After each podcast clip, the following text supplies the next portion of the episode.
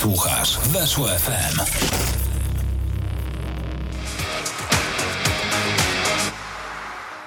Dzień dobry, witam serdecznie. Chciałbym, żebyśmy jedno zdjęcie od razu na początek za moment pokazali, e, no bo jest e, pewien obrazek symboliczny, który kibice Liverpoolu po tej kolejce chcieliby, myślę, oprawić w ramkę na kibice Manchesteru. Nie za bardzo chcieli to wszystko oglądać, ale nie wiem bardziej, czy nie chcieliby oglądać tego, co teraz tutaj pokazujemy, czy tego, co się wczoraj działo w wykonaniu ich podopiecznych. Występ na piątkę Liverpoolu, no tak jak zazwyczaj można powiedzieć, speaker prosi kibiców gości po E, zakończonym spotkaniu, żeby troszeczkę zostać na sektorze, bo wiadomo, tam względy porządkowe, no i niekoniecznie to jest przyjemne, no bo tam godzina, dwie to wszystko trwa, no to tutaj myślę, że nikomu to nie przeszkadzało, impreza trwała w najlepsze, no i co ciekawe, kibice Liverpoolu y, śpiewali, że Ole musi zostać, Ole Gunnar Solskjaer jest najlepszy i tak dalej, i tak dalej. O tym wszystkim sobie będziemy rozmawiać w programie Football Bloody Hell, e, jak zawsze w poniedziałek. Ja nazywam się e, Wojciech Piela, występ Liverpoolu na piątkę, ale moi goście też oczywiście jak zawsze na piątkę, czyli Wojtek Papuga, Sport TVP.pl. Witam serdecznie. Witam serdecznie, witam. Jarosław Koliński, Przegląd Sportowy. Dzień dobry, witam. 16 e, razy przegrywał Liverpool na Old Trafford. Nigdzie więcej nie przegrywał. Taki teren, którego bardzo nie lubił do tej pory.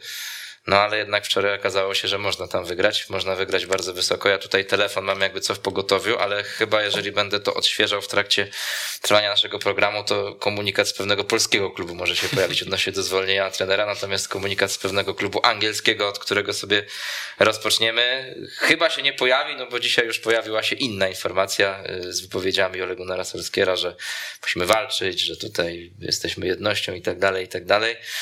Jak wy to wszystko odczytujecie? No i też co się wczoraj według was wydarzyło? No bo jednak oczywiście wiedzieliśmy o problemach Manchester United, e, aczkolwiek no w tygodniu zwycięstwo za Talantą, które no jednak pokazało to, z czego mimo wszystko Manchester United jest za kadencji Solskiera znany, czyli no jednak charakter, odrabianie strat, bardzo często to robili, no ale to było tylko no pudrowanie czy tuszowanie e, bardzo trudnej sytuacji, no bo porażka 0 do 5 to jest najwyższa w historii Manchester United z tym rywalem. Proszę Jak tak, mówiłem trzy tak. lata temu, że Solskier nie jest wystarczająco dużym menedżerem, to się wszyscy ze mnie śmiali, traktowali mnie za wariata. Tak, dzisiaj proszę bardzo. Znowu jesteśmy w takiej sytuacji, w której musimy o Solskierze rozmawiać, w którym musimy niestety wytykać mu błędy, bo słuchajcie, no jesteśmy po trzech latach jego, jego rządów i ta drużyna jak sam powiedział to trener, właśnie wyrżnęła o dno. No bo tak to on powiedział, jesteśmy na, jesteśmy na dnie. No to chwileczkę, to jeśli, jeśli po tylu latach, po tylu miesiącach pracy teraz ta drużyna osiąga dno, no to, to, to, to o czym to świadczy? To znaczy, że ta drużyna kompletnie się nie rozwija. Sobie pomyślałem wczoraj takie, takie zdanie, że Manchester United nie stać na marnowanie kolejnych miesięcy, tym bardziej, że ma Cristiano Ronaldo który ma te 30, ile tam, 6 czy 7 6. lat? 36, tak? 85. Tak. Przed nim jeszcze ile y, gry na szczycie? Rok, dwa? Manchester musi ten czas, może, może trochę dłużej, bo Ronaldo wiemy, że jest taki obsesyjnie dba o zdrowie i jest generalnie ro, robotem niemal. Ale Manchester United ten czas, kiedy ma Cristiano Ronaldo, musi wykorzystać jak najlepiej, a nie na to, żeby podnosić się z porażki 1-5. I, i to, to była taka, e, przepraszam, 0-5. 1-5 była przez chwilę. Przez chwilę było tak, zanim VAR, zanim VAR się wmieszał w to wszystko. Aczkolwiek pewnie tego zawodnika, który strzelił tego gola, czyli Cristiano Ronaldo też już nie powinno być na boisku, no bo to też był, myślę, bardzo dobry symbol symbol tego występu Manchester United, to co się stało z Polem Pogbą w drugiej połowie, czyli wejście bardzo krótkie, po pierwsze zawalony, no powiedzmy, no duży, duży miał udział przy straconym golu na 0,5, później no też ten e, bardzo ostry atak na nabiegu Keita i czerwona kartka, no ale też Cristiano Ronaldo zgodzimy się chyba z tym, że gdyby e, nazywał się, nie wiem, na przykład Scott McTominay, to już by pewnie go na boisku nie było.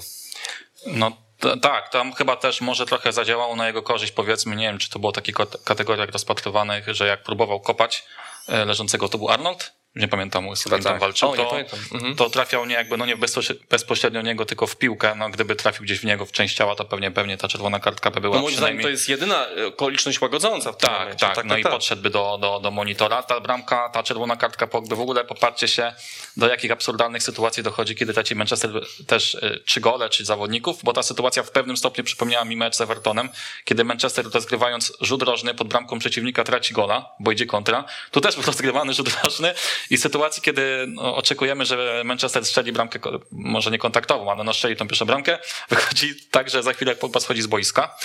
E, I wiecie co, no dwie rzeczy. E, bardzo myślę tak e, gdzieś e, wiele mówiła, wiele mówi wypowiedź ostatnio Lukaszoła, który mówił, że czuć było ten wynik od ja dłuższego czasu. To zmroziłem się przed Ale co, chyba nie On powiedział, że, że zanosiło się na taki wynik, na taki mecz od dłuższego czasu i że to było można, że to, to się już wyczuwało. Że oni czuli w szatni to, tak. że taki Naprawdę? mecz nadejdzie tak. i że tak to się może skończyć. Natomiast ja powiem tak, odnośnie Solskiera, bo odkąd jest trenerem Manchesteru, to mam pierwszy raz tak od powiedzmy tygodnia, dwóch, że rzeczywiście jestem za tym, że Solskier out. Natomiast Dopiero teraz?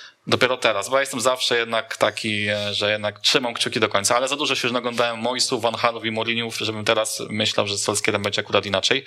No bo rzeczywiście on nie robi postępu, no bo jeżeli mówimy, że, że, cofamy, że cofa się w rozwoju, no bo jeżeli mówiło się powiedzmy po, po końcu, po zakończeniu poprzedniego sezonu, że Manchester jednak jakiś tam malutki kroczek zrobił do przodu, wicemistrzem i tak dalej, tak, a teraz mówimy, że spadamy na dno, no to robimy przynajmniej dwa kroki do tyłu, czyli jesteśmy w, w punkcie wyjścia powiedzmy, czyli mniej więcej w tym samym momencie, w którym był Manchester Kiedy e, zespół przyjmował Solskjaer w grudniu 2018.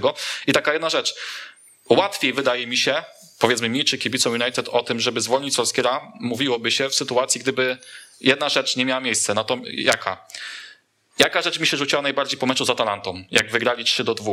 To, że gdyby ci piłkarze, tak mi się wydaje, może się mylę, że ci piłkarze nie wierzyliby w ten projekt na linii Solskier drużyna, nie wierzyliby w trenera i nie, to nie zagraliby tak drugiej połowy.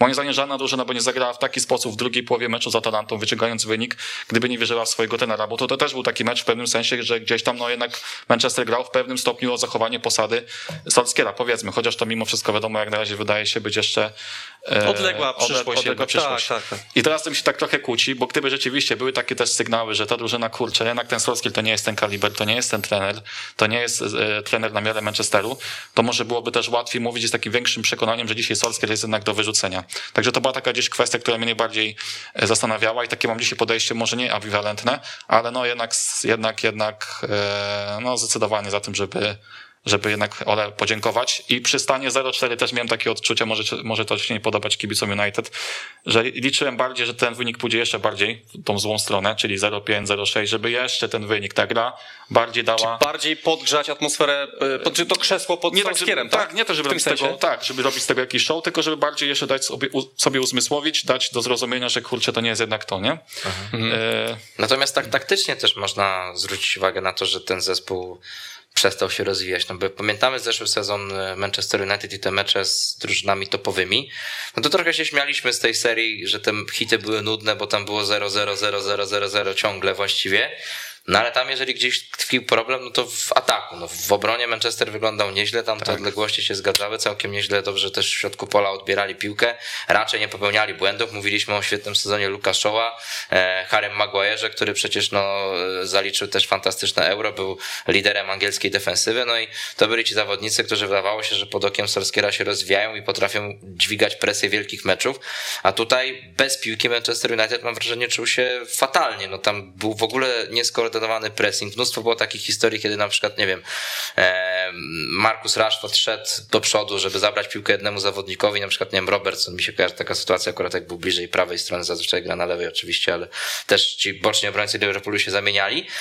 Obok był Nabi Keita do takiej gry dwójkowej, no i Luke Shaw nie pomagał Rashfordowi w tym pressingu, no co sprawiało, że właściwie był bezcelowy w ogóle bieganie, tylko się ten Rashford zmęczył w tym momencie, no bo tak naprawdę tylko ułatwił Liverpoolowi zadanie, no bo można było go rozegrać, tak samo było no choćby w tej sytuacji przecież z pierwszym golem, no to jest jakiś, jak, jakaś katastrofa kompletna, jak można tak taktycznie w czwartej minucie, jeszcze rozumiem jak tam jest, nie wiem, końcówka meczu, atakujesz, odrabiasz straty, ale to jest początek meczu i Liverpool ci wychodzi czwórką yy, na jednego czy dwóch zawodników, drugi gol to samo, gdzie Sama sam Shaw z Maguire'a na siebie wpadają, nie wiem, czy to, nie wiem, Shaw się nie spodziewał, że Maguire będzie tak głęboko ustawiony, czy o co chodzi, no ale widać kompletny brak tutaj, nie wiem, czy wyćwiczonych schematów, czy, e, czy jakiejś koncepcji Solskiera, no bo to są gole, nie wiem, Liverpool wyglądał w tym aspekcie o wiele lepiej, oni odbierali tę piłkę, dużo grali do przodu, też sobie pewnie o nich jeszcze porozmawiamy, no ale na przykład, nie wiem, mi się wydaje, że obserwujemy jakieś takie odrodzenie Firmino, trochę w ostatnim czasie, wczoraj też zagrał dobre Oczywiście. spotkanie.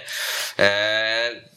I, i, i, I to jest taki problem, że tutaj naprawdę już jak patrzymy na Manchester Solskiera, no to jest jedynie gra na jakichś takich, tak jak nawet mówisz, za talentu. No okej, okay, wyszarpali, ale no tam też wiemy, że tej, tej Atalancie już też zaczęło trochę brakować sił i, i powiedzmy, że ten zespół jakby zagrał bardzo słabą tą drugą połowę w Manchesterze i tak mam wrażenie nawet w tym meczu wygranym niewiele było widać poza tą ambicją, poza tymi cechami wolicjonalnymi. Czy wizytówką każdej drużyny jest obrona? Obrona świadczy o tym, dobra obrona świadczy o tym, że drużyna jest dobrze zorganizowana, że tam rzeczywiście każdy piłkarz wie, co ma robić, bo bronić się jest trudniej niż, niż atakować. I, I to, co się dzieje w defensywie Manchesteru United, to jest, to jest zwykły żart, tak naprawdę. To jest obrona Manchesteru United gra na poziomie, nie wiem, drużyny League One. To, jak się Luke Shaw z Maguirem zderzyli ze sobą przy drugiej bramce, no to tu tylko wystarczy muzyczkę z Benny Hilla, z Benego Hilla podłożyć i mamy gotowe, gotowy sketch kabaretowy tak naprawdę. E, zauważcie, że Manchester stracił 15 goli w tym sezonie, czyli tyle samo co Burnley, które jeszcze nie wygrało meczu w lidze. To, to, to jest szokujące. E, ta drużyna popełniła w lidze najwięcej e, tak zwanych, najwięcej błędów prowadzących do oddania strzału przez, przez rywali jest na ostatnim miejscu w tabeli w takiej klasyfikacji. Nie Norwich, które szoruje dno tabeli od początku sezonu, nie Burnley właśnie, nie Newcastle, tylko właśnie Manchester United. No to jest dla mnie szokujące, jak y, proste błędy popełniają ci obrońcy, a przecież ona, ta obrona cała kosztowała około 200 milionów funtów, gdyby tak zliczyć kwoty, za ile tych piłkarzy wszystkich Solskier, czy nie tylko Solskier y, kupił no to to naprawdę, y, to, to, to, to zakrawa na jakąś y, hańbę, to co się dzieje w obronie tak naprawdę. Tam Liverpool robił właściwie co chciał. Zgadza się, rzeczywiście. Gdyby popatrzeć na tą y, podstawowy dzisiaj zestaw obrońców, tą czwórkę, no jeszcze powiedzmy wymienić ewentualnie Warana za, za Lindelof, ale, ale jego tak. teraz nie ma, to rzeczywiście każdy z tych piłkarzy został sprowadzony przynajmniej chyba za 40 milionów, nie pamiętam za ile Lindelof, ale chyba też mniej więcej w tych, w tych granicach. 35, no jakoś tak. No, I rzeczywiście to, w jaki sposób trzeci Manchester gole, to w ogóle to dzisiaj, to żadna, żadna wielka filozofia, strzelić bramkę United. Wypatrzcie w jaki oni tracą e, sposób te gole. Praktycznie za każdym razem są schematy te same, bo już pomijam nawet to, że tracą gole po stałych fragmentach, po rzutach rocznych, dośrodkowanie, główka, to już od zeszłego sezonu to jest problem, z którym Solskjaer sobie totalnie nie może poradzić, ale na przykład e, wczoraj sytuacja, kopia e, bramki na 2-0, E, gdzie na wślizgu strzelił mm, Diogo Jota. Mhm. Podobną bramkę przecież strzelał Pasalic e, na 1-0. Podobną bramkę strzelał Paco Alcacer, e, jak grał Manchester z Villarreal, czyli podanie wzdłuż linii bramkowej, gdzie praktycznie no, no obrona kompletnie nie, nie, nie kryje ani strzelającego, ani, ani tym bardziej tego, który podaje, bo ma mnóstwo przestrzeni. DH bez szans. I i y, mówiłeś o 15 golach, no to ja tutaj też tam dwie rzeczy mówiłem jeszcze przed, przed meczem, że Manchester przecież w tej pierwszej połowie stracił więcej goli niż Chelsea straciła w całym sezonie. Trzy. Czy też Manchester, patrząc na ostatnie 12 minut meczu z Leicester, plus dodaj, czyli tam było od 78 minuty, kiedy wyszli na prowadzenie po bramce e, Sojunczu, plus te 5, 5 bramek w 50 minutach, czyli wychodzi na to, że Manchester stracił 8 goli w 62 minutach. 8 goli w 62 minutach. No nie bywała statystyka mhm. i no też był duży krater w środku pola. Mam wrażenie, że Fred i McTominay grali bardzo defensywnie ustawieni. E, na Bruno Fernandes z kolei gdzieś operował na połowie rywala i to sprawiało, że choćby... Nie no wiesz, Keita no, defensywny pomocnik, on w piątej minucie jest sam na sam no tak, no tak, no, w ogóle Nabi Keita świetnie odpowiedział na no, te słowa krytyki, które były zasłużone po meczu z Atletico. Tak? I popatrzcie, Keita z jakim spokojem wykorzystuje sytuację, a chwilę wcześniej przecież Bruno ma sytuację na 1-0. Tak. I to są te gdzieś takie powiedzmy no, różnice później, no, pewnie, które... pewnie to są te, te detale wszystkie, no ale hmm. później wiemy, że to się zupełnie wszystko, wszystko posypało, no ale Jordan Henderson też e, zwracał uwagę moją to, jak on miał mnóstwo miejsca w środku pola, nawet nie tylko przy tej sytuacji, kiedy zaliczył asystę, ale i w pierwszej połowie no Liverpool sobie spokojnie rozgrywał, a też w Manchesterze United uderza mnie to, że na taką siłą tego zespołu Solskiera, czy też czym, co, czymś, co często obserwowaliśmy, były te szybkie wyjścia do, do kontrataków. No i teraz też przecież Manchester powinien z tego korzystać. No jest Rashford, jest Greenwood, jest Sancho w teorii, przecież też bardzo szybki, dobry zawodnik.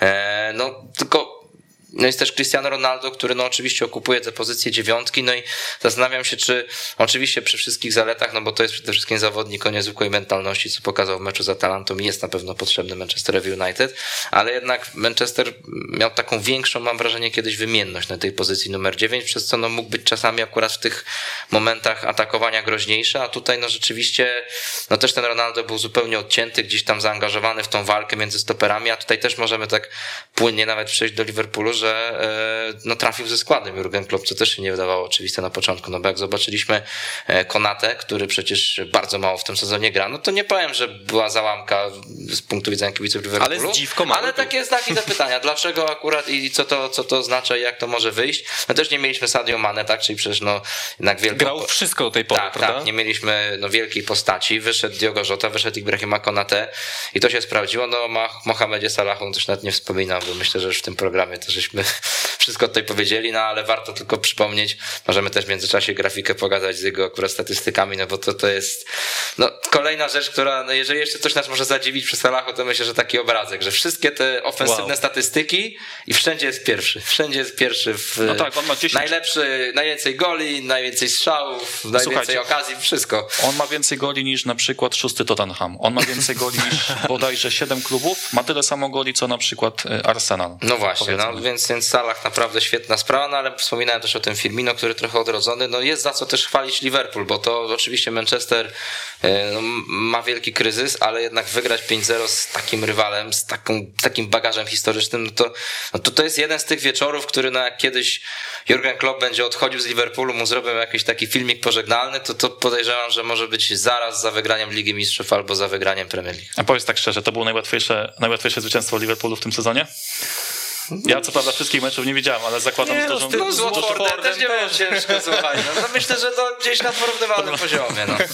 Myślę, że tak. No. Natomiast y, y, y, chciałem słówko o Salachu, bo, bo rzeczywiście wykręca fantastyczne liczby. To jest w ogóle jego najlepszy sezon w Premier League tak naprawdę, jeśli to jakbyśmy wzięli pod uwagę różne tam statystyczki, nawet lepsze od tego pierwszego, gdzie miał 44 gole we wszystkich rozgrywkach. Też kiedyś wypominano mu, że jest bardzo egoistyczny, a tak naprawdę w tym sezonie nie dość, że dużo dużo strzela goli, to jeszcze, to jeszcze jest bardzo altruistyczny wobec swoich e, kolegów, bo on, statystyka pokazuje, że jeszcze nigdy nie wypracowywał tak wielu okazji strzeleckich Sadio Mane, co też ma przełożenie na liczby Senegalczyka, bo on ma pięć goli już, prawda? Więc, więc to też świadczy o tym, że, że Salah w ogóle na różnych polach się w ogóle rozwinął, co, co się wydawało i tak już niemożliwe, bo on osiągnął fantastyczny poziom ta gra jeszcze lepiej.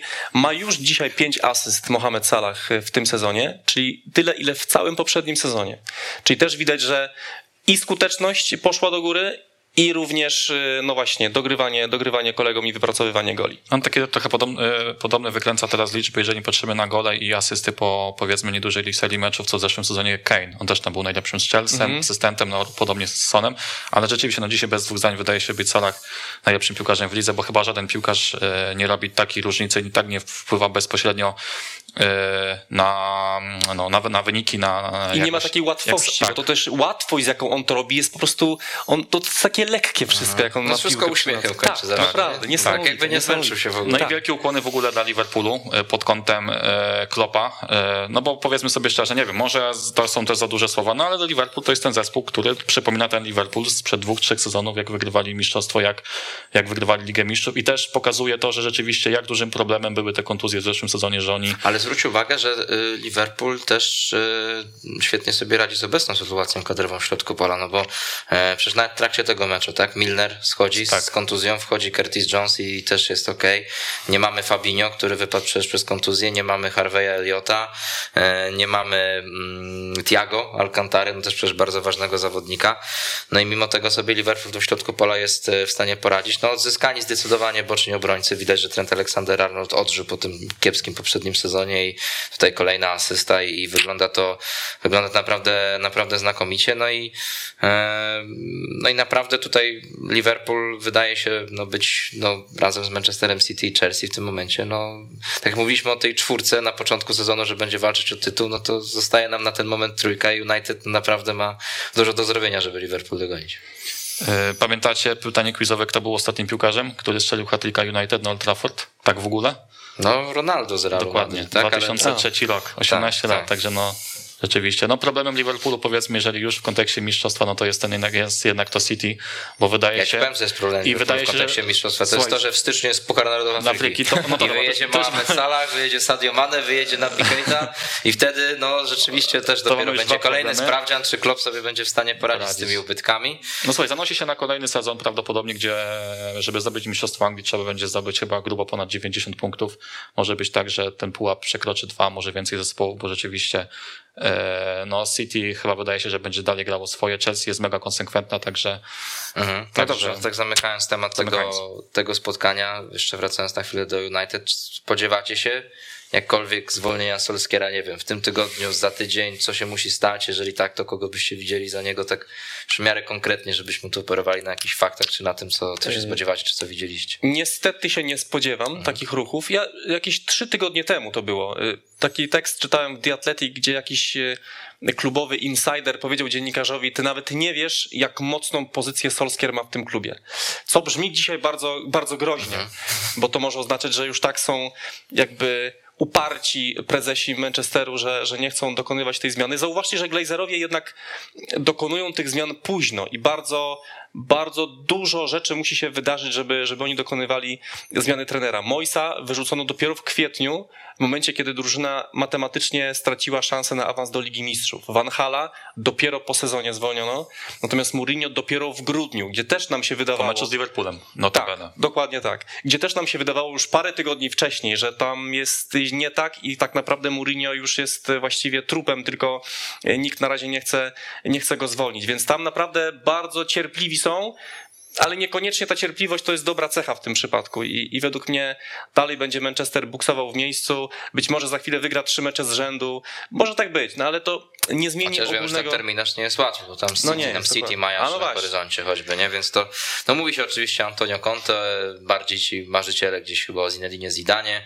W każdym razie, no mam takie przeświadczenie, że taki tener jak Conte, który jest nastawiony na wynik, to jeszcze nawet w tym sezonie mógłby powalczyć z tym Coś klubem o, tak, o, o jakieś trofeum, no ale zobaczymy jak to rzeczywiście... Boję się, że może być taki moment, że zwolnią, hipotetycznie zakładają, że zwolnią Solskiera w momencie, kiedy naprawdę te szanse, już nawet nie mówię na mistrza Anglii, no też może, ale generalnie na taki dobry wynik będą naprawdę mega już uciekać, nie? Bo mm. teraz jest taki etap sezonu, że sytuacja no, wygląda jeszcze całkiem Znaczy prawda całkiem jest taka, solidnie, że tak, no bo to jest jeszcze taki moment... Popatrzcie się, gdyby nie ten początek ale sezonu... Ale to jest uważam niezły moment, żeby e, z Solskierem się pożegnać, bo e, no, Manchester tak naprawdę no, nawet jeszcze w tej lidze ma szansę, żeby to dogonić, tam te 8 punktów, no to wiemy, że wyśrubowany poziom, ale no powiedzmy, że no, dalec jest, że jesteśmy no, stwierdzenia, Pamiętasz jak City miał w zeszłym sezonie, traciło 10-11 szans, dodatkowo no Liga Mistrzów, gdzie no paradoksalnie ta sytuacja w grupie to nie jest taka zła, bo nie, się udało wygrać.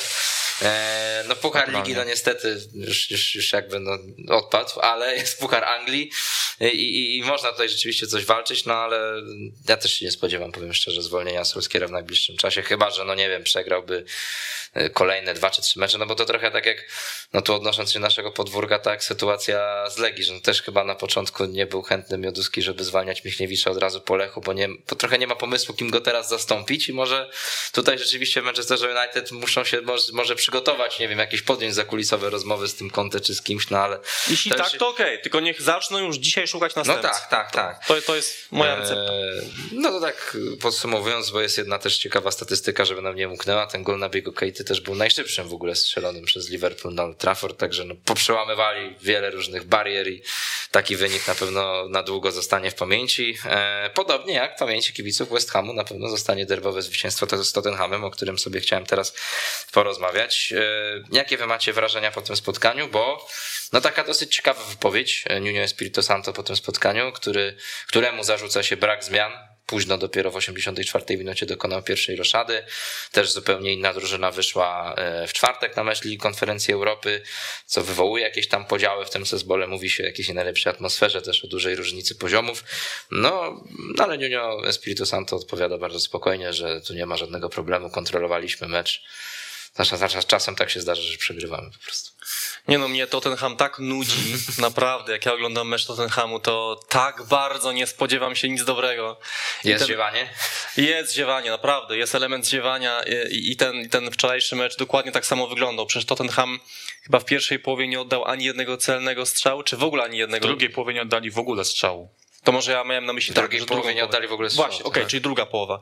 Więc to naprawdę, no to jest, to jest straszne e, nudziarstwo. No te wyniki to są takie, wiecie, no trochę, no właśnie, to właśnie widać w tabeli. Pięć zwycięstw, cztery porażki. Tam nie ma w ogóle... Raz wygra, raz przegra, nie? Tak, i tak właśnie ci, ten ale wiesz, sam ale wiesz, nie wie, co ma tam, myśleć. Ale tam jednak trochę jest y, no, brak, mimo wszystko wydaje mi się, takiego pomysłu na ofensywę, bo jeżeli, wiesz, Son czegoś nie wymyśli, mam wrażenie, to tam trochę, nie wiem, no podobał nam się strasznie strasznie ten Dombele w meczu z Newcastle, no ale no, jednak w tym spotkaniu no to w środku pola kompletnie był zneutralizowany. No znowu Declan Rice świetny mecz zagrał. Ale ciągle był najlepszym Dombele i to jest też przerażające, nie? No że tak, tak. No, zagrał ale, słabiej, a ciągle ale wiesz, był najlepszy. Ale wiesz, no Skip Hayberg, no to to nie są zawodnicy kreatywni. No, no nie, tak, no rzeczywiście Dombele przecież był swego czasu już trochę jedną nogą poza klubem, gdzie się nie dogrywał no z tak, tak, Dombele no. to też przecież nie jest taki piłkarz znowu stricte usposobiony ofensywnie, przecież tam, no już nie pomijam Kaina czy, czy Sona, ale równie dobrze mógłby grać za Dombele i dzisiaj powiedzmy gdzieś decydować o obliczu zespołu, taki na przykład Bergwijn, który miał fajne wejście do klubu, czy nie wiem, czy, czy, czy, czy, czy Lukas, czy, czy, czy, czy kogoś tam pewnie jeszcze pominąłem, ale patrząc tak pod kątem tylko czysto statystycznym, to i tak myślę, że Tottenham e, na ten moment wyciągnął chyba maksa, bo 15 punktów, 9 goli w 9 meczach, oni tak są na szóstym miejscu. I to, co właśnie mówię, Dziadek, że bez, e, bez strzału, w ogóle to jest, e, Tottenham miał już trzeci taki mecz od, e, licząc od ubiegłego sezonu, kiedy w jednej połowie w ogóle nie oddał strzału. To jest oczywiście rekord. No i ten mecz był na przykład bliźniaczo podobny do meczu chociażby z Crystal Palace. Tam co prawda było 0-3, tak. tu 0-1, ale generalnie gra to ten hamu taka sama, nudna totalnie i rzeczywiście oni, jeżeli jeżeli tutaj gole nie asystują Son, Kane, to Tottenham jest totalnie bezpłciowy, bezjajeczny z przodu. No i no, też wiele o tym mówi fakt, że no, nieszczęsny tylko Fabiański generalnie no, nie miał za wiele do roboty w tym meczu. Jeden strzał chyba główka Kane'a pod koniec pierwszej połowy i tak na dobrą sprawę on się tam wiele więcej nie musiał wykazywać i mi mega imponuje West Ham Moisa, że ten poprzedni sezon pokazali, że to nie jest przypadek, na przykład porównując, to co oczywiście tak nie ma też co porównywać jeden do jednego, ale na przykład przypadek Leeds, który miał zeszły sezon naprawdę spoko, Beniaminek dziewiąte miejsce w lidze, jeden z takich zespołów, których się chyba lepiej oglądało, w tym sezonie Lidzy na razie walczy bardziej utrzymanie, a West Ham no praktycznie podobna, podobna sytuacja jak w zeszłym sezonie. No i w tej chwili są na czwartym miejscu. No i kto wie, może znowu będą się do końca bili o Champions League. No zamiast United na przykład w Lidze Mistrzów. No kto wie. Będzie walka. Znaczy, tak, jakaś tam liczba United się będzie zgadzać, bo przecież West Ham też jest United, United. pamiętamy, tak jest. Natomiast... Ale no West Ham opanował, wydaje się Jarek, trudną sztukę y, łączenia europejskich pucharów z występami w lidze, no bo tam przecież w Lidze Europy również idzie im świetnie. Oni wygrali wszystkie trzy mecze do tej pory, nie stracili jeszcze gola i tam nawet zaczyna się coś przebąkiwać. Takie niektórzy eksperci zadają pytania, no, czy West Ham ma gorszą kadrę niż Villarreal, który wygrał w mhm, zeszłym mhm. sezonie? No i tak jakby się przyjrzeć, to wcale nie musi tak to porównanie wyjść na niekorzyść dla West Hamu. Tak, rzeczywiście ja się martwiłem i chyba ogólnie się martwiliśmy przed sezonem, że, że no, mało transferów, takich dobrych transferów w West Hamie jak na, na wyzwania, jakie ich czekają, czyli że gra na tylu frontach wymaga jednak bardzo szerokiej kadry. I rzeczywiście ci piłkarze typu Kral, typu Wlasić, oni na razie nie grają w lidze.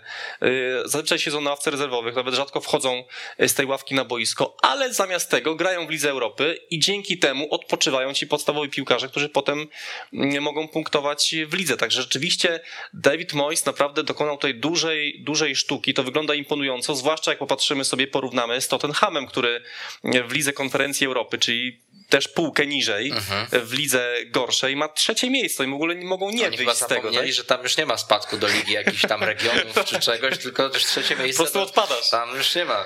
Nie no, rzeczywiście. To... Ale patrzcie, jakie mhm. jest myślenie w ogóle Anglików, West Hamu, bo mówimy tutaj o tym, że oni fajnie godzą e, Europ, e, grę w europejski pucharach z Premier League i że tam są w, w parze idą wyniki i tutaj e, na krajowym podwórku europejskim. Pa, pa, jaka tam jest mentalność? U nas w Polsce jest tak, wiadomo, że to jest inny futbolowy świat zupełnie, u nas tak myśli, gra Raków czy Legia no to trzeba już w weekend e, przełożyć mecz, żeby piłkarze e, byli wypoczęci, fizycznie, gotowi i tak dalej. W Anglii o takich rzeczach się w ogóle nie myśli. Czy tam by no, dochodzą jakieś trochę, informacje, no, tak. że tam kurczę trzeba mecze przekładać? No wiem, no. trochę to takie, już szukam trochę czegoś Czy na siłę. wiesz, to przekładanie ale meczów po... uważam, że to akurat nie jest jakiś tam strasznie zły problem, no bo nie wiem, no w porównaniu tam do krajów będących podobnych do Polski też się przekłada. No w Holandii też niby ale, tak. ale no faktem jest, że no tak, no mówimy o innych światach i oczywiście Anglia, tutaj West Ham jest lepiej do tego przygotowany. No, na przykładzie myślę, możemy też chwilkę poświęcić temu zawodnikowi Michaela Antonio, no bo kolejny gol tego gracza lubi strzelać przeciwko Tottenhamowi, bo już sześć trafień przeciwko nikomu i nikomu innemu nie ma więcej w tej lidze. E, no i on opowiadał ostatnio o tym, że troszeczkę zmienił swoje nawyki żywieniowe. Od pewnego czasu nie je e, czerwonego, czerwonego mięsa, mięsa, choćby, tak. że więcej czasu poświęca pracy na siłowni. No też on już no, chyba 30 czy ponad na 30 chyba ponad, Chyba ponad, coś takiego. Tak. No trójka z przodu jest, więc no też mówi, że no już nie jestem młodzieniaszkiem, że kiedyś tam jadłem wszystko i, i, i nie, nie wychodziło mi to na dobre, teraz jednak bardziej muszę nad sobą pracować. No i choćby Hubert Majewski pyta, czy Michaela Antonio można już taką trochę żywą legendą West Hamu nazywać. Jakby się tak zastanowić, no to jednak trochę tych goli już nazbierał, 52. E, najwięcej ze wszystkich zawodników West Hamu, jeżeli chodzi o występy w Premier League.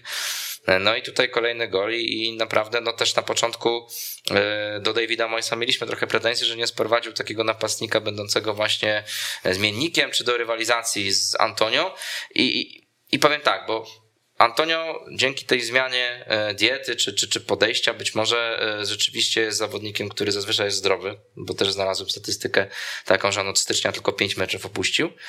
Ale my pamiętamy te pięć meczów. Ja, pamiętam, ja mam takie wrażenie, że jak właśnie Antonio brakowało, to West Ham miał problemy miał i rozumiem, mówiliśmy o tym choćby nawet w tym programie, więc jakby ja uważam, że to generalnie, że nie sprowadzono takiego dobrego napastnika, no to może być jakiś pewien problem, ale też y, trzeba tutaj oddać Antonio, y, że no jest bardzo dobrze przygotowany, że jest często jednak zdrowy i w pełni sił do gry, no i David Moyes też pewnie o tym wie, dlatego no tutaj po prostu uważa, że w jego postaci jest dobre zabezpieczenie.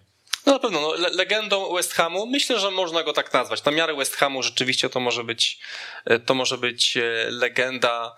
Mm, no to jest taki piłkarz, e, który też z tymi obrońcami lubi się tam poprzepychać i, i wszyscy mają z nim problem. I też widzimy, co się stało, kiedy był pojedynek bezpośredni Harry'ego Kane'a z Mikelem Antonio, bo to Harry Kane nie przypilnował Antonio, w ogóle był zdezorientowany i Antonio wpakował piłkę do siatki. Także rzeczywiście wydaje mi się, że może nastąpić taki moment, chyba że naprawdę wzmocnił te ścięgna, na którymi tak pracował w siłowni Mikel Antonio, bo on też mówił, że, że dzięki temu, że nad tymi ścięgnami mocniej pracuje, to w ogóle nie czuje teraz bólu, że tak, teraz tak. naprawdę jest pod tym względem bardzo dobrze. No ale musimy się liczyć z tym i David Moyes też się musi liczyć z tym, że, że Antonio może doznać w końcu kontuzji i wtedy zobaczymy, jak sobie y, z znaczy, tym West Ham pewnie poradzi. będzie gdzieś, no, tak, jak, tak jak czasami w tej Lidze Europy, czy Nikola Vlasic, czy Andrzej Jarmolenko, no są piłkarze, którzy tam mogą zagrać, ale...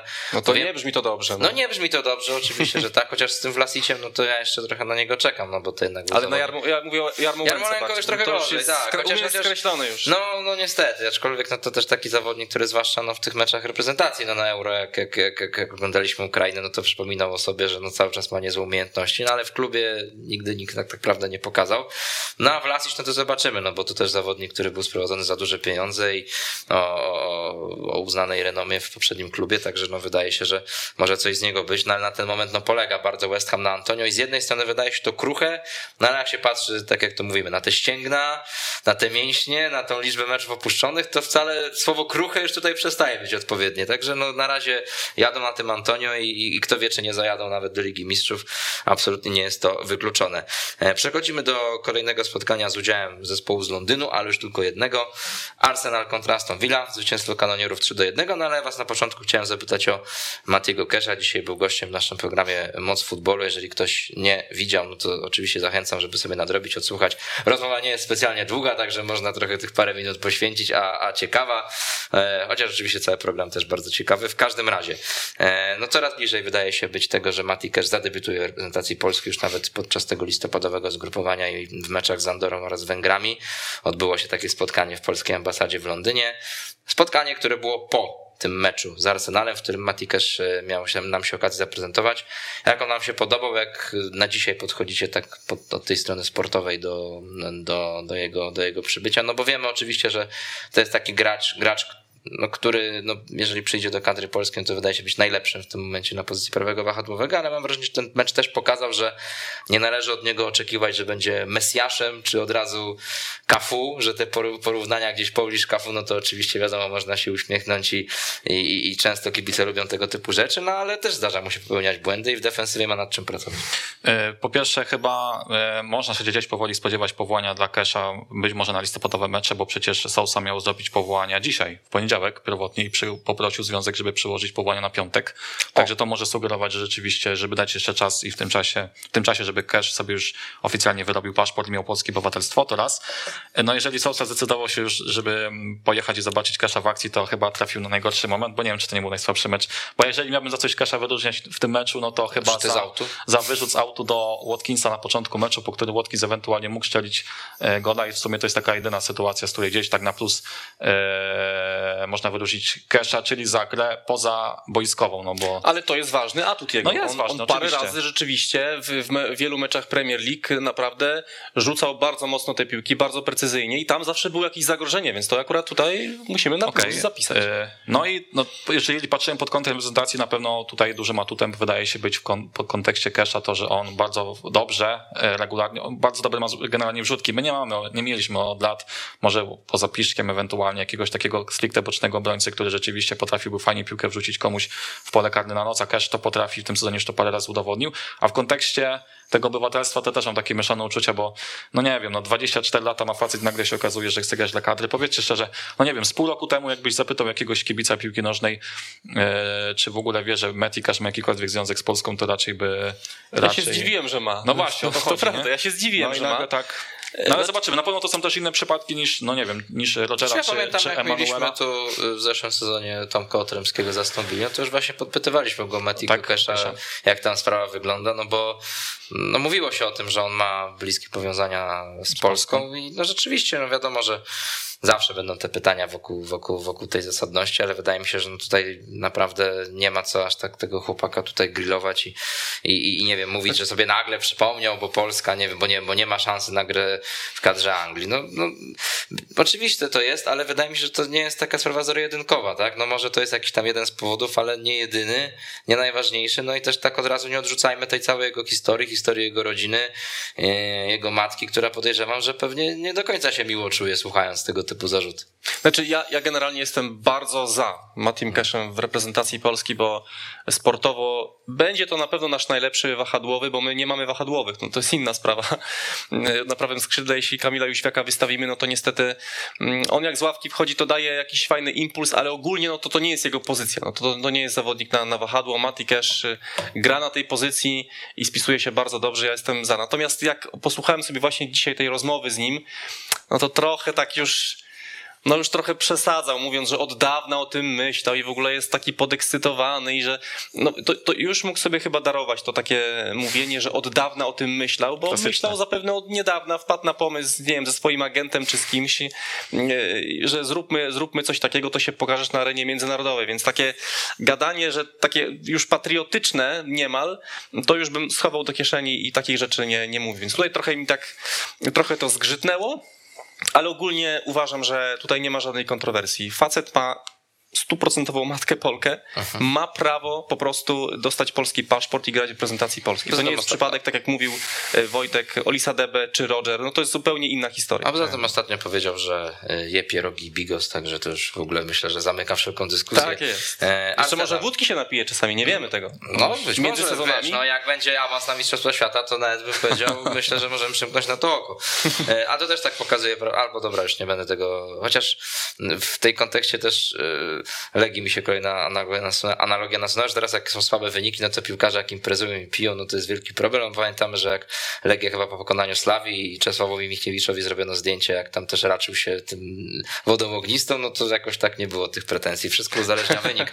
Arsenal, wszystko uzależnia wynik, więc Arsenalu kibice zadowoleni, szczęśliwie. Mamy grafikę pokazującą ostatnie mecze Arsenalu od tych e, no, początkowych, kiedy przegrywali bardzo wysoko, bardzo wyraźnie, no to e, mają taką całkiem niezłą serię tych meczów na krajowym podwórku już bez porażki, pięć zwycięstw, tylko dwa remisy, E, ale taki kij delikatny w mrowisko wtyka nasz widz Dominik Żak, który pyta, a właściwie e, no jakby prosi, czy jakby chciałby, żebyśmy mu uplastycznili rzeczywistość.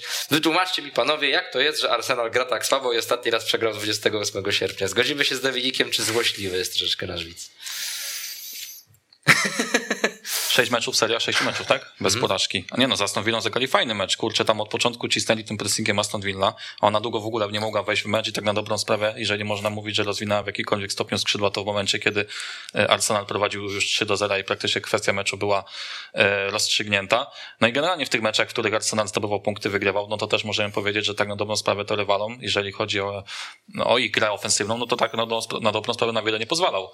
No i w tym meczu z Aston Villą było podobnie. Konsekwentnie zbierają punkty, przecież na początku zero punktów mieli po trzech kolejkach, tak? No i ostatni czas dla Arsenalu, jeżeli mówimy też pod kątem e, Artety, to jest taki może nawet, może trochę na siłę mówię, ale jeden taki z lepszych, po prostu. No tak, nie, no to, to, wszystko idzie w dobrym kierunku. Tak się przynajmniej wydaje. Młodzież się rozwija, młodzież strzela gole.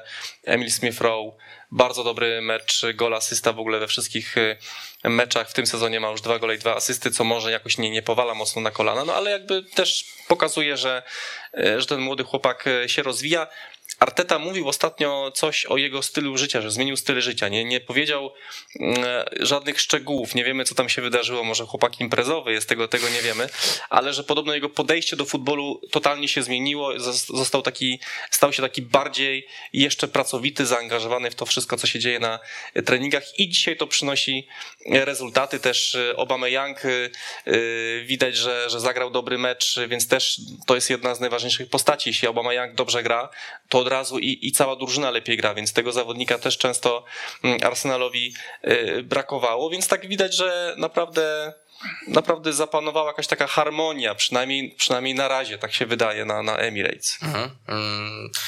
Emil Smith-Rowe opowiadał właśnie o tym po tym meczu, że no w szatni takich kilku liderów się może rodzi, czy, czy, czy, czy, czy narodziło, czy istnieje, no takich zawodników, którzy jego jako, jako takiego młodszego zawodnika inspirują, no choćby właśnie Aubameyang jako kapitan, jak to on powiedział, dużo mówi często Gabriel Ben White, no czyli rzeczywiście ci obrońcy, no od tego powinno się zacząć budować zespół. Emil Smith-Rowe, no rzeczywiście po tym meczu go trzeba pochwalić, no bo zagrał kapitalną partię, też strzelony przecież gol, y, ale też ważna rola tak taktycznie mam wrażenie, w tym zwycięstwie Aleksandra Lacazeta i też ciekawy przypadek tego zawodnika. No, on strzelił bardzo ważnego gola w tym meczu z Crystal Palace na 2 do 2, ale tutaj wyszedł na takiej pozycji numer 10, trochę za Mayangiem, przez co on był odciążony y, od tego rozgrywania, no i też y, mam wrażenie, że dzięki temu wyglądało to płynniej, bardziej mm, y, korzystnie dla Arsenalu. E, kończy mu się kontrakt po tym sezonie lakazetowy i tak się wiele mówi o tym, że on raczej przy, na Emirates e, nie zostanie, aczkolwiek no wydaje się, że do końca tego kontraktu warto go wykorzystać w pełni, no i może się jeszcze zastanowić nad podpisaniem nowego, no wiemy, że on ma już 30 lat, ale nawet jeżeli w tym Arsenalu nie zostanie, no to mam wrażenie, że takie występy jak ten z Aston pokazują, że jego jeszcze stać na grę na wysokim poziomie. Nie, no zdecydowanie tak, chociaż y, już od dawna wieszcze, że on opuści klub. To jakoś tak y, od od momentu, kiedy stracił miejsce w podstawowym składzie, to mi się wydawało, że on przede wszystkim tej, tej roli nie będzie potrafił znieść i no bo wiemy, że to jest zawodnik, który ma swoje e, aspiracje, więc to, że jeszcze jest w Arsenalu jest dla mnie pewną niespodzianką. To, że ciągle jest rezerwowym praktycznie już mniej, bo to chyba był jego pierwszy mecz w ogóle w pierwszym składzie, składzie tak. tak. W tym sezonie, tak. no właśnie. Więc pytanie, czy w ogóle wola jest obu stron, żeby tę współpracę kontynuować. Z drugiej strony zawsze, gdyby przedłużył kontrakt, no to mm, Mm, zawsze Arsenal mógłby na nim troszkę jeszcze zarobić, gdyby go sprzedawał. I tu wrócę do mojego ulubionego tematu, gdzie jest kontrakt dla Pogby w Manchesterze United, który... To tutaj teraz my będziemy chyba pytać, co program, gdzie jest kontrakt dla Salaha też, bo tutaj A, właśnie, cały czas muszę pracować. W tym sezonie? Nie, nie za dwa lata. Nie, no, za dwa lata. Okay. Ale swoją drogą to jest, to jest też y, widać kontrolowana PR-owa wypowiedź Salaha, że ja mogę zostać tutaj do końca, do końca kariery. To wszystko jest po stronie klubu. Tylko widocznie tam musi tak mu posmarować klub, no. E, taką tygodniówkę dać, żeby on rzeczywiście chciał zostać. Więc tak bardzo sprytne zagranie obozu Mohameda ja Salah. Ja powinien posmarować, bo jeżeli nie posmaruje teraz Salahowi, to już potem nie będzie mógł komukolwiek smarować. To prawda. Pieniądze się zmniejszą, no ale Lakazet też tym mecz wywalczony rzut karny, przecież ten co Aubameyang wykorzystał, więc no e, taka wymierna też korzyść dla zespołu z jego gry, no i ciekawy jestem jak to będzie się dalej układać. Na pewno to jest taki piłkarz, Lakazet, który by się przydał wobec obecnym e, układzie Evertonowi, który ma bardzo duże problemy. W ataku cały czas Salomon Rondon, który taka gracja, bym powiedział, gigantycznej sekwoi, e, wielkiego drzewa. I jeszcze to by powiedział w zestawieniu z Joshua Kingiem, to strasznie to jest bolesne. Joshua King, 11 występów w zeszłym sezonie w Evertonie, chociaż tylko 137 minut, no, żebyśmy byli tam uczciwi. No, nie, dostawał, tak. nie dostawał za wiele yy, właśnie tych minut do gry, no ale też jakby no, nie udowadniał na boisku tego, że powinien dostać więcej. A tutaj, proszę bardzo, wrócił na Goodison Park, hat-trick. Dodatkowo przecież wiemy, że nie rozstał się w dobrych stosunkach z Evertonem. Tam opowiadał trochę o tym, że Carlo Ancelotti go kłamywał, wręcz tak bardzo ostro względem szanowanego włoskiego menedżera.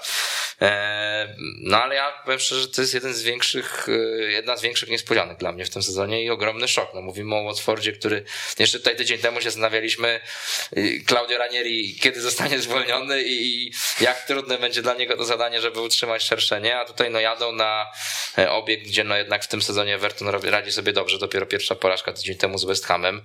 Chwaliliśmy bardzo The Office jeszcze nie tak dawno, no a tutaj no 2 do 5 to jest jakiś koszmar dla drużyny Rafa Beniteza. Czy gdybyśmy przyznawali statuetkę dla frajerstwa sezonu, to prawdopodobnie byśmy wręczyli Evertonowi, no bo mając w 70 chyba 8 minucie wynik 2 do 1, przegrać 2-5, to jest w ogóle jakaś nie, niesamowita e, sztuka. No, obrona Evertonu w tym meczu zagrała na poziomie obrony Manchester United. Tam to, to wszystko tak w tych ostatnich minutach e, nie funkcjonowało, że e, Watford robił co chciał i ten King, o którym właśnie wspomniałeś, piłkarz, który od bardzo dawna w ogóle nie potrafił strzelić gola, nagle strzela trzy, no to świadczy też o tym, że obrona rywali no, bardzo go serdecznie zapraszała pod własne pole karne i żeby sobie Michael King, myślę, że zwłaszcza ten mecz Ojej. na długo zapamiętam. Koszmar.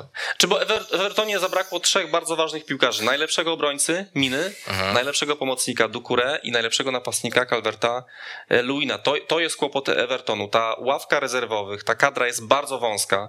Zauważcie, że na e, ławce rezerwowych w tym meczu zasiadło dwóch bramkarzy w Evertonie, czyli to tam, tam rzeczywiście nie ma kim grać. Benitez jak dokonuje zmian, no to już właściwie trochę na siłę, bo, bo wie, że te zmiany specjalnie nic nie e, dadzą, a jak Ranieri wprowadził zmiany, to od razu zaczęło to iść, więc to też, też była ta różnica w tym, w tym meczu, że Ranieri miał jeszcze mm, jakiś plan B w głowie i mógł go zrealizować. Benitez nawet jeśli miał plan B, Czyli to nie miał kim go był jedynym tym zawodnikiem, tak? On wszedł z ławki rzeczywiście, tak. ale on tam był powiedzmy...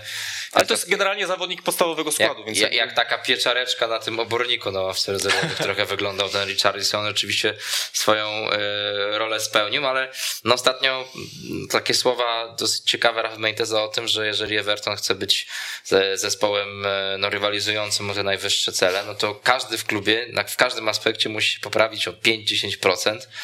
E, no i tak zastanawiam się też, co miał na myśli, kogo miał na myśli, no bo jeżeli chodzi choćby o trenera przygotowania fizycznego, no to on go sprowadził nowego właśnie ze sobą w tym sezonie, więc no może nie do końca jest zadowolony ze swojego współpracownika, ale e, no nie dzieje się dobrze na Goodison Park.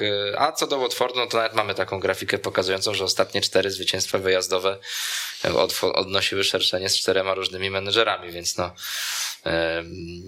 cały czas ta, no. cały czas ta filozofia y, zmian jednak pokazuje się, że może być z sukcesami. No mamy nadzieję, że Klaudy Ranieri jeszcze zdąży drugie wyjazdowe zwycięstwo jakieś odnieść, no ale na pewno łatwo, łatwo nie będzie. To Wojtek, coś chciałbyś dorzucić do tego nie no, Joshua King, e, to taka oczywiście ciekawostka, który jest piłkarzem trzecim w historii Premier League, który strzelił hatryka przeciwko swojemu byłemu klubowi, wcześniej Andy Cole United Newcastle i Marcus Bent dla weekend, dla weekend w meczu z Blackburn, ale Everton to jest taki zespół, obecnie to takie wydaje się trochę być odbicie lustrzane Evertonu z zeszłego sezonu zwłaszcza, czy jeszcze kilku innych, gdzie e, zaczynają fajny sezon, nie, to, tak, to jest taki, wydaje się, zespół gdzieś tam potencjalnie, że mógłby nawet skoczyć do tego, gdzieś tam powalczyć. No, słuchajcie, jeżeli Everton gdyby wygrał ten mecz, no to by miał tyle samo punktów, co czwarty West Ham. Tak, przecież po, oni w zeszłym roku, po którejś tam kolejce byli liderem, po pełnej rozegranej kolejce Everton przecież był liderem za Carlo Ancelottiego, jak e, swój powiedzmy taki mini prime miał James Rodriguez, strzelał na zawołanie Calvert-Lewin i teraz Everton zaczął sezon też całkiem dobrze, zremisował między innymi e, chyba ostatni tak dobry mecz powiedzmy z United na Old Trafford. I już wydawało się, że Everton w tym sezonie będzie takim zespołem powiedzmy, że albo że będzie się pasował w tabeli jak teraz czwarty West Ham, a potem przychodzi seria takich rozczarowujących wyników i wydaje mi się, że Everton taki będzie tym zespołem w tym sezonie. Od naprawdę takich dobrych, zaskakujących meczów, gdzie zagrają naprawdę, gdzie będą zdobywać punkty, gdzie ewentualnie no, nikt tego po nich się nie będzie spodziewał i że ten powiedzmy dorobek punktowy będą, potraf, będą e, stosunkowo często marnotrawić właśnie w meczach z takim Watfordem czy jakimś innym Barley, tak jak teraz przegrywając 2-5. Mhm. Chelsea kontra Norwich, e, to jest kolejne spotkanie. E, tylko dwa gole strzelone do tej pory w dziewięciu meczach przez Kanarki. No myślę, że to jest najlepsze podsumowanie tego, jak idzie Danielowi Farke i e, jego ekipie. Tak, tak krótko zanim przejdziemy do Chelsea, wy się spodziewacie, że w końcu tam komuś pęknie żyłka i on zostanie zwolniony, czy to tak naprawdę tam wyniki nie mają żadnego znaczenia? Bo powiem szczerze, nawet jak na Norwich, to jest kompromitacja do tej pory, co się dzieje. Podam jeszcze lepszą statystykę.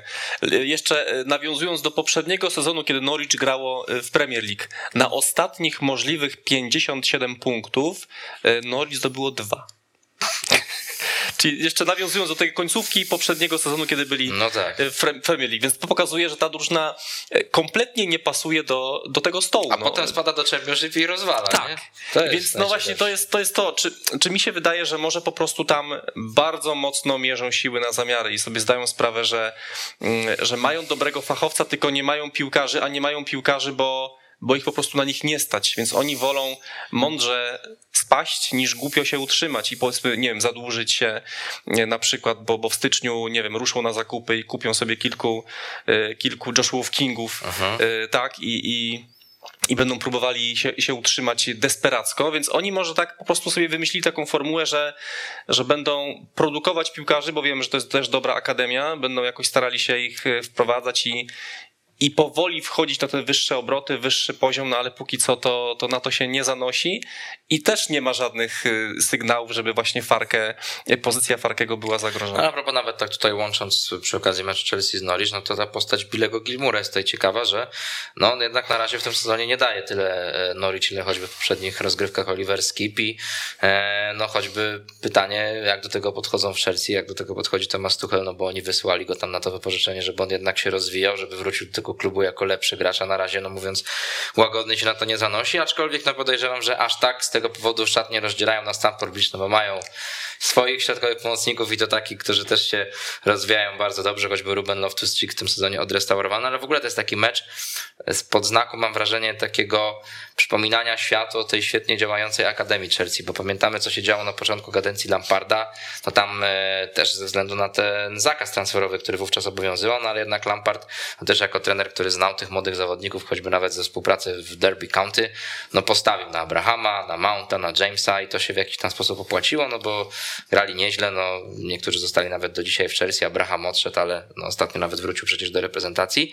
Później, kiedy przyszedł Tuchel, trochę było tego mniej, niektórych tych zawodników e, odstawił, no i Callum Hudson-Odoi choćby jest przykładem takiego zawodnika, który ma dosyć taki trudny romans z tym Tuchelem, no bo on e, czasami obdarzał, potrafił go obdarzyć zaufaniem, grywał na, na tej pozycji wahadłowego, ale jednak kiedy przychodziło do tych ważniejszych meczów, to Hudsona-Odoja nie było. On nawet mówił po tym spotkaniu, że on takiego potrzebuje trochę bardziej twardego podejścia, akurat ten zawodnik. Do tego dochodzi hat-trick Mounta, no i okazuje się, że Chelsea mimo tego, że ma teraz problemy z napastnikami kontuzjowanymi, nie było Lukaku, nie było Wernera, no to okej, okay, wiemy, to jest tylko Norwich, ale strzelić 7 goli, no to jednak zawsze jest sztuka przy takich problemach. No tak, za Tuchela przecież Chelsea rzadko strzela dwie bramki, więcej niż dwie bramki na mecz i jeżeli miałby być jakiś zarzut skierowany pod e, The Blues właśnie e, za kadencji Tuchela, to to, że Chelsea jakoś no, nie strzela dużo bramek, a ten mecz Chelsea z Norwich to był taki klasyczny mecz Chelsea powiedzmy za kadencją Ancelottiego, czy jeszcze Mourinho na przykład tego starego, że tam Chelsea strzelała tych bramek dużo, bo to był chyba 18 mecz Chelsea w historii Premier League, kiedy strzelają przynajmniej 6 goli tak. w jednym meczu, to jest rekord. E, I e, rzeczywiście no grają bez dwóch napastników i rozgrywają najlepsze mecze, jeżeli patrzymy pod kątem stricte ofensywnym, ale mega mi się podoba w tym sezonie postawa obrońców. Nie tylko to, że oni e, no, odpowiadają przede wszystkim za to, że nie tracą bramek, bo Chelsea tylko trzy gole, sześć czysty kąt w dziewięciu meczach, no kapitalny wynik. Kto wie, może Chelsea zrobi powtórkę z sezonu 2-4, 2-5, kiedy e, rekordową, e, rekordową najmniejszą liczbą straconych bramek podpisała się właśnie drużyna Mourinho, stracili wtedy 15 bramek. No to będzie trudne do mego do powtórzenia, ale mówię tutaj nie tylko o wpływie obrońców na grę defensywną, ale też na ofensywną, bo wypisałem sobie, że z pięciu najlepszych strzelców Chelsea w tym sezonie w Premier League, trzech to są obrońcy. Ben Chilwell ma trzy gole i to jest najwięcej, obok e, Lukaku, który wystrzelał się na początku i Masona Mounta, który strzelił w tym, dopiero w tym meczu swoje w ogóle pierwsze gole.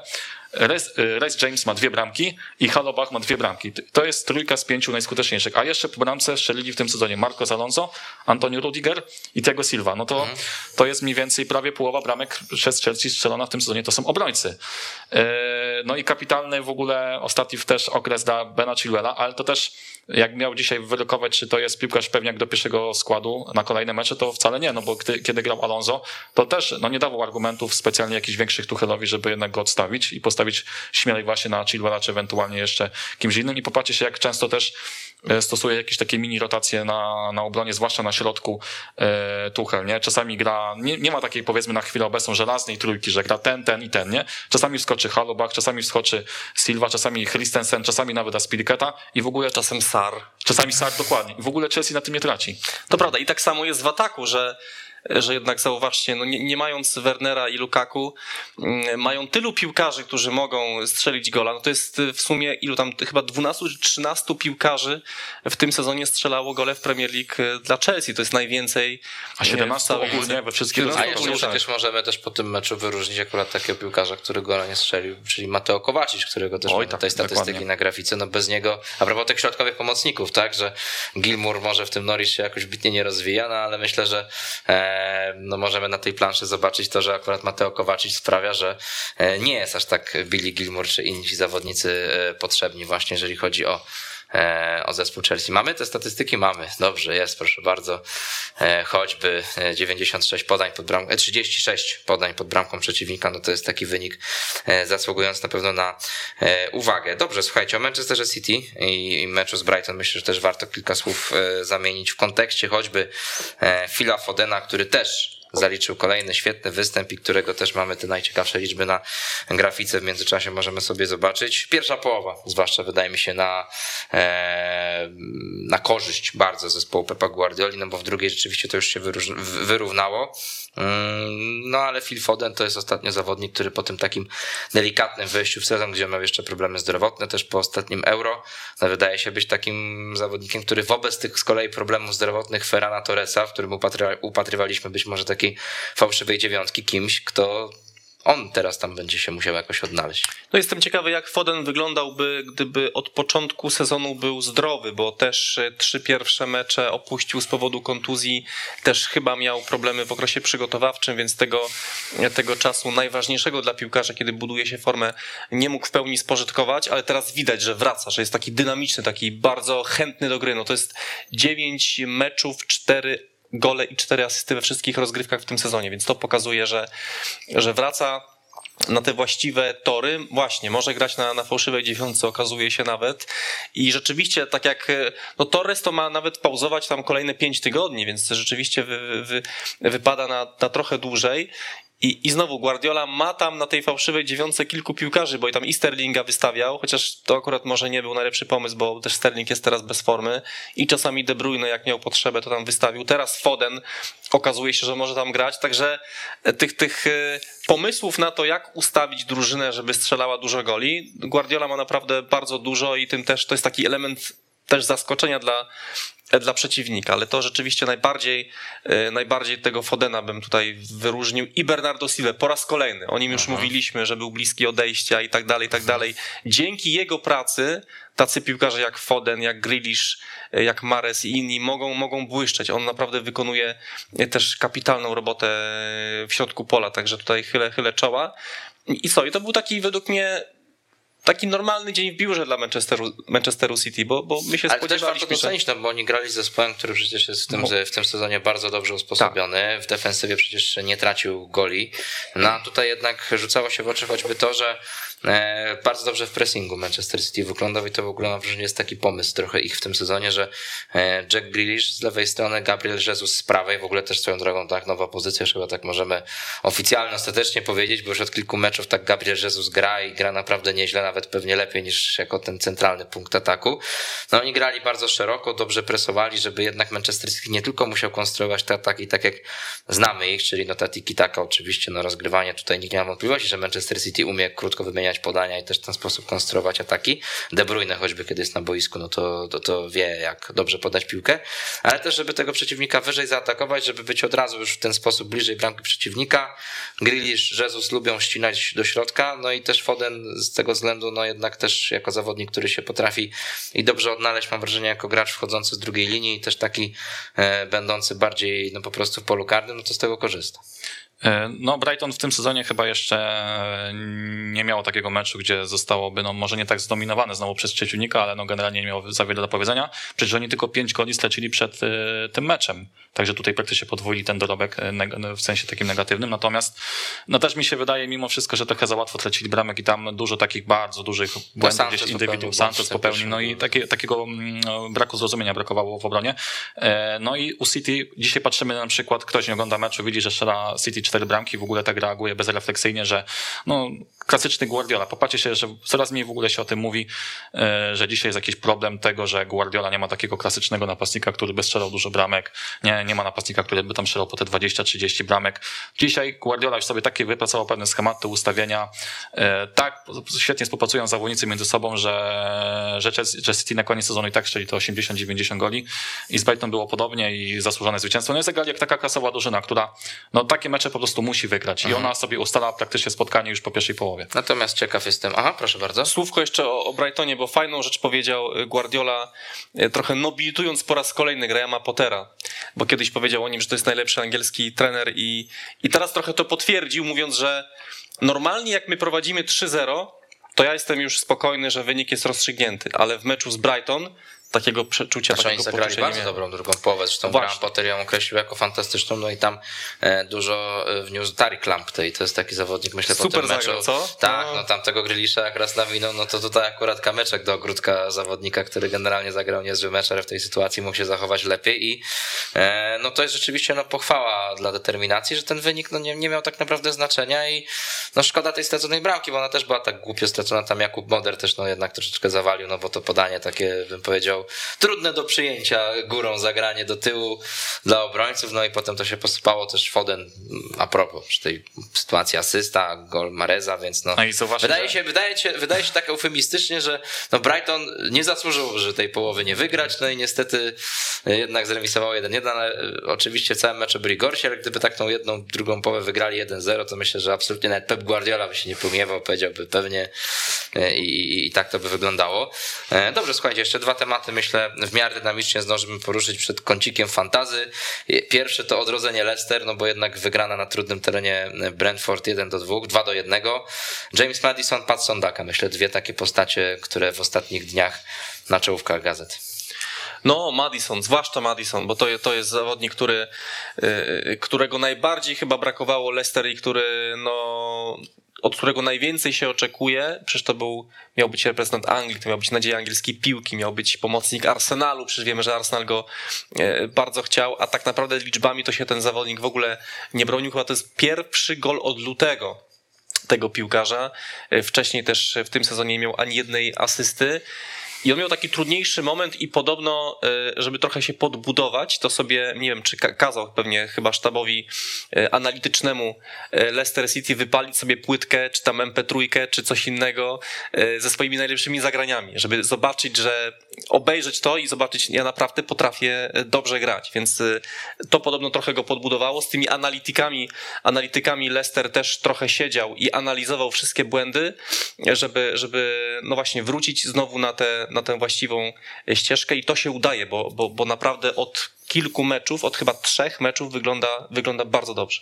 Tak, no i Leicester jest mega skuteczny i też w tych, w takich, w tych ostatnich trzech meczach, jeżeli bierzemy jeszcze pod uwagę, trzech czy czterech, jeżeli bierzemy pod uwagę Ligę Europy, gdzie uh-huh. Daka strzelił cztery bramki, no to Koniecznie też... bierzemy, bo to był mecz spektakularny. Tak. No w sumie chyba pierwszy piłkarz w historii Leicester, który strzelił y, hat w europejskich pucharach.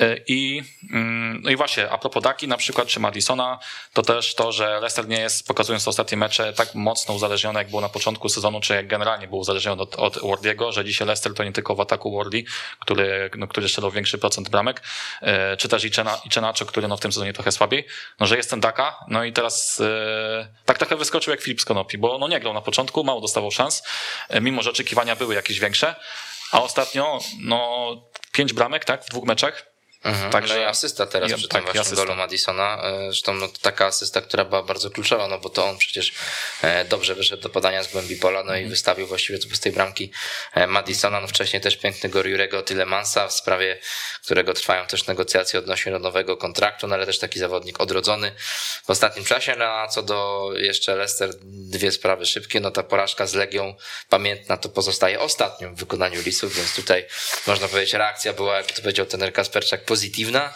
A Pat Sandaka, druga rzecz, no to to, że on na początku, kiedy przyszedł z Salzburga, miał taki czas kwarantanny, no i ostatnio Brendan Rodgers opowiadał, że no choćby czytał książkę Jimmy'ego Wardiego, dużo się dowiadywał o mieście, o klubie, więc rzeczywiście ktoś, kto no chciał szybko jakby wkomponować się w ten zespół, no i rzeczywiście teraz być może to też daje oczekiwane efekty. Słówko o Newcastle, no bo stało się to, co miało się stać w zeszłym tygodniu. Steve Bruce po tym, jak po raz tysięczny zasiadł na ławce trenerskiej jakiegokolwiek klubu e, w karierze trenerskiej, przestał już być szkoleniowcem z rok. E, zastąpił go na razie tymczasowo Graham Jones. Niezły mecz Crystal Palace, trzeba powiedzieć, że jeden do jednego, ale tam mogły nawet e, Sroki wygrać, aczkolwiek no i tak ten remis powiedzmy, że myślę, że nie najgorszy.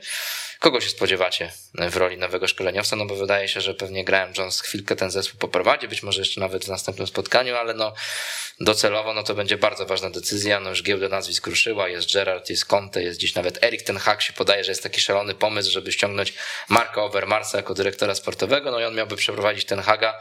Jak się patrzy na to, jak Ajaxowi teraz idzie w Lidze Mistrzów, w Lidze Holenderskiej, to pewnie będzie ciężko, no ale wiemy, że no biorąc pod uwagę możliwości Newcastle, w sumie z każdym chyba może być łatwo. Czego wy się spodziewacie? No ja mi się wydaje, że już tam włodarze Newcastle mają e, albo dogadują się, albo są już dogadani generalnie z trenerem, bo że to nie będzie taka kwestia. Bo, no i no kogo widzisz? No bo jeżeli oni rozegrali jeden mecz e, od momentu przyjęcia i tak już nagle zwalniają Brusa, no to chyba muszę mieć kogoś na, na, na uwadze. Nie tak, że dobra, teraz potrenuję, tym, będzie ktoś tymczasowo za miesiąc e, przejmie Newcastle trener już na stałe. E, kto? Kurczę, nie wiem, może się będę, może się pomylę, ale nie wydaje mi się, żeby oni rozpatrywali jakiegoś Anglika, na przykład właśnie Gerarda czy Lamparta, czy na przykład, chociaż bardziej bym widział powiedzmy z trójki Gerard Lampard y, trzeciego Ediego Hoła, mhm. który chyba jest bezrobotny aktualnie. Tak, tak, tak. No ale najwięcej mówi się w ostatnim czasie w kontekście Fonseki i no to może rzeczywiście być tak, że ten Foseka będzie tym trenerem, bo przecież pamiętajmy, że no, nie udało się z Tottenhamem, gdzie już praktycznie jedną nogą był.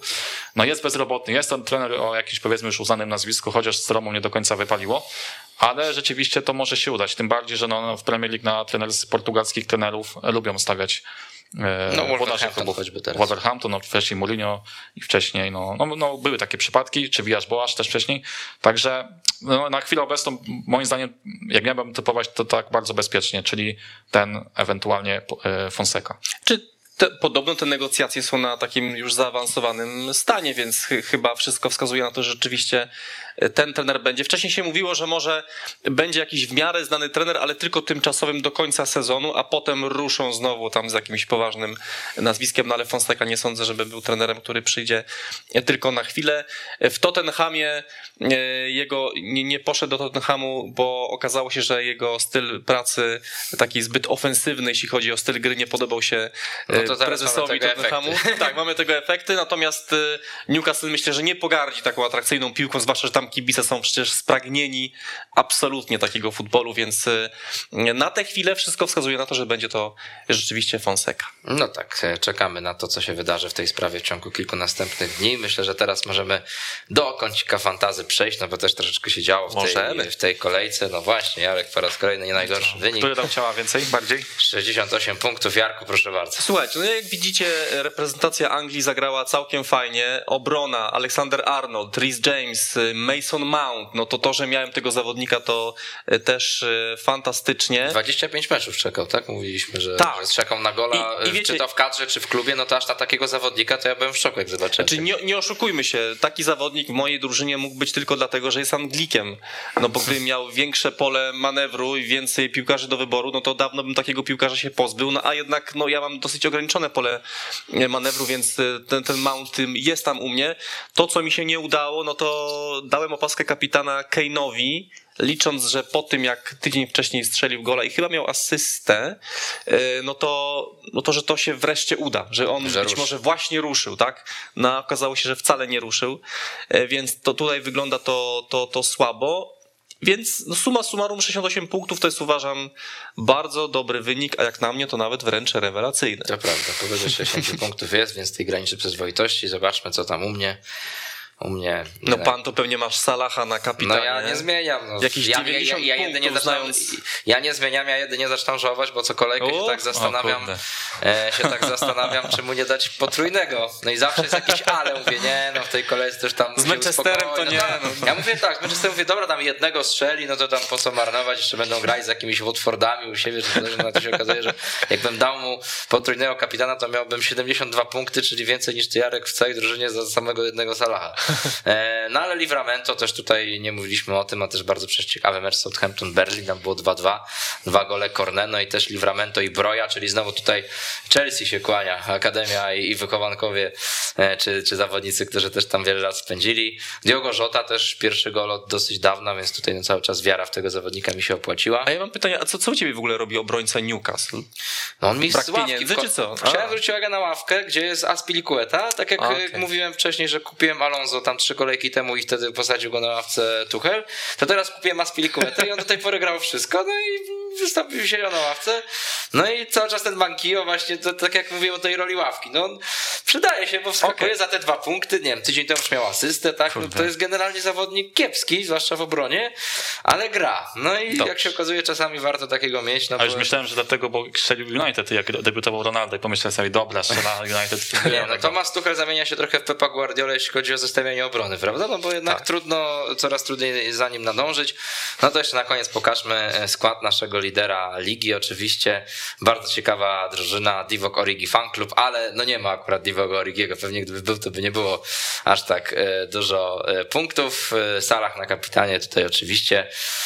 Huang też to zawodnik swoją drogą, który tam chyba cztery celne strzały do tej pory cztery gole, tak? Więc tak. to bardzo tak. skuteczny. No i 111 punktów, bardzo ładny wynik. Antonio, także gratulujemy. No i Foden, także tutaj sporo tych nazwisk trafionych, no i walka oczywiście będzie trwała. Pierwszy w ogóle użytkownik LZ to jest zawodnik, który jest na pierwszym miejscu w Polsce w tym momencie wow, w ogóle, także też gratulujemy. dumni jesteśmy po raz kolejny jak co tydzień z tego, że są eksperci jednak na szczęście wśród fanów kanału sportowego, jeśli chodzi o fantazy Premier League. Nie ma w studiu, ale przynajmniej są... No dokładnie, jakoś to się wszystko układa. Dobrze, słuchajcie, dobrnęliśmy do szczęśliwego końca. Zapraszam dzisiaj wieczorem, zwłaszcza na magazyn Weszło Polsce o 20, dlatego że no w międzyczasie tutaj oficjalnie ogłoszono, że Czesław Michniewicz przestaje być trenerem Legii Warszawa, zastąpił go Marek Gołębiewski, przynajmniej na razie tymczasowo, czyli trener rezerw. Pewnie o tym chłopaki porozmawiają o 20, a o 18 program w ringu, także też e, będzie troszeczkę o boksie. Natomiast jeśli chodzi o e, nasz program, za tydzień z okazji 1 e, listopada i święta wszystkich świętych programu nie ma, ale będzie we wtorek albo w środę, także śledźcie media społecznościowe, nasłuchujcie, oglądajcie i na pewno o angielskiej piłce sobie porozmawiamy. Wojtek Papuga, TVP Sport. Tak, ja nie pamiętam, czy pozdrawiam A, na początku. Ole, tak, tak? Ola, serdecznie pozdrawiam, trzymaj się dzielnie, wracaj do zdrowia, mam nadzieję, że uda się niebawem e, zobaczyć. Jarek Koniński, Przegląd Sportowy. Dziękuję bardzo. Dzięki śliczne i oczywiście dołączamy się do pozdrowień. Do zobaczenia, do usłyszenia, cześć. Słuchaj nas na weszło.fm.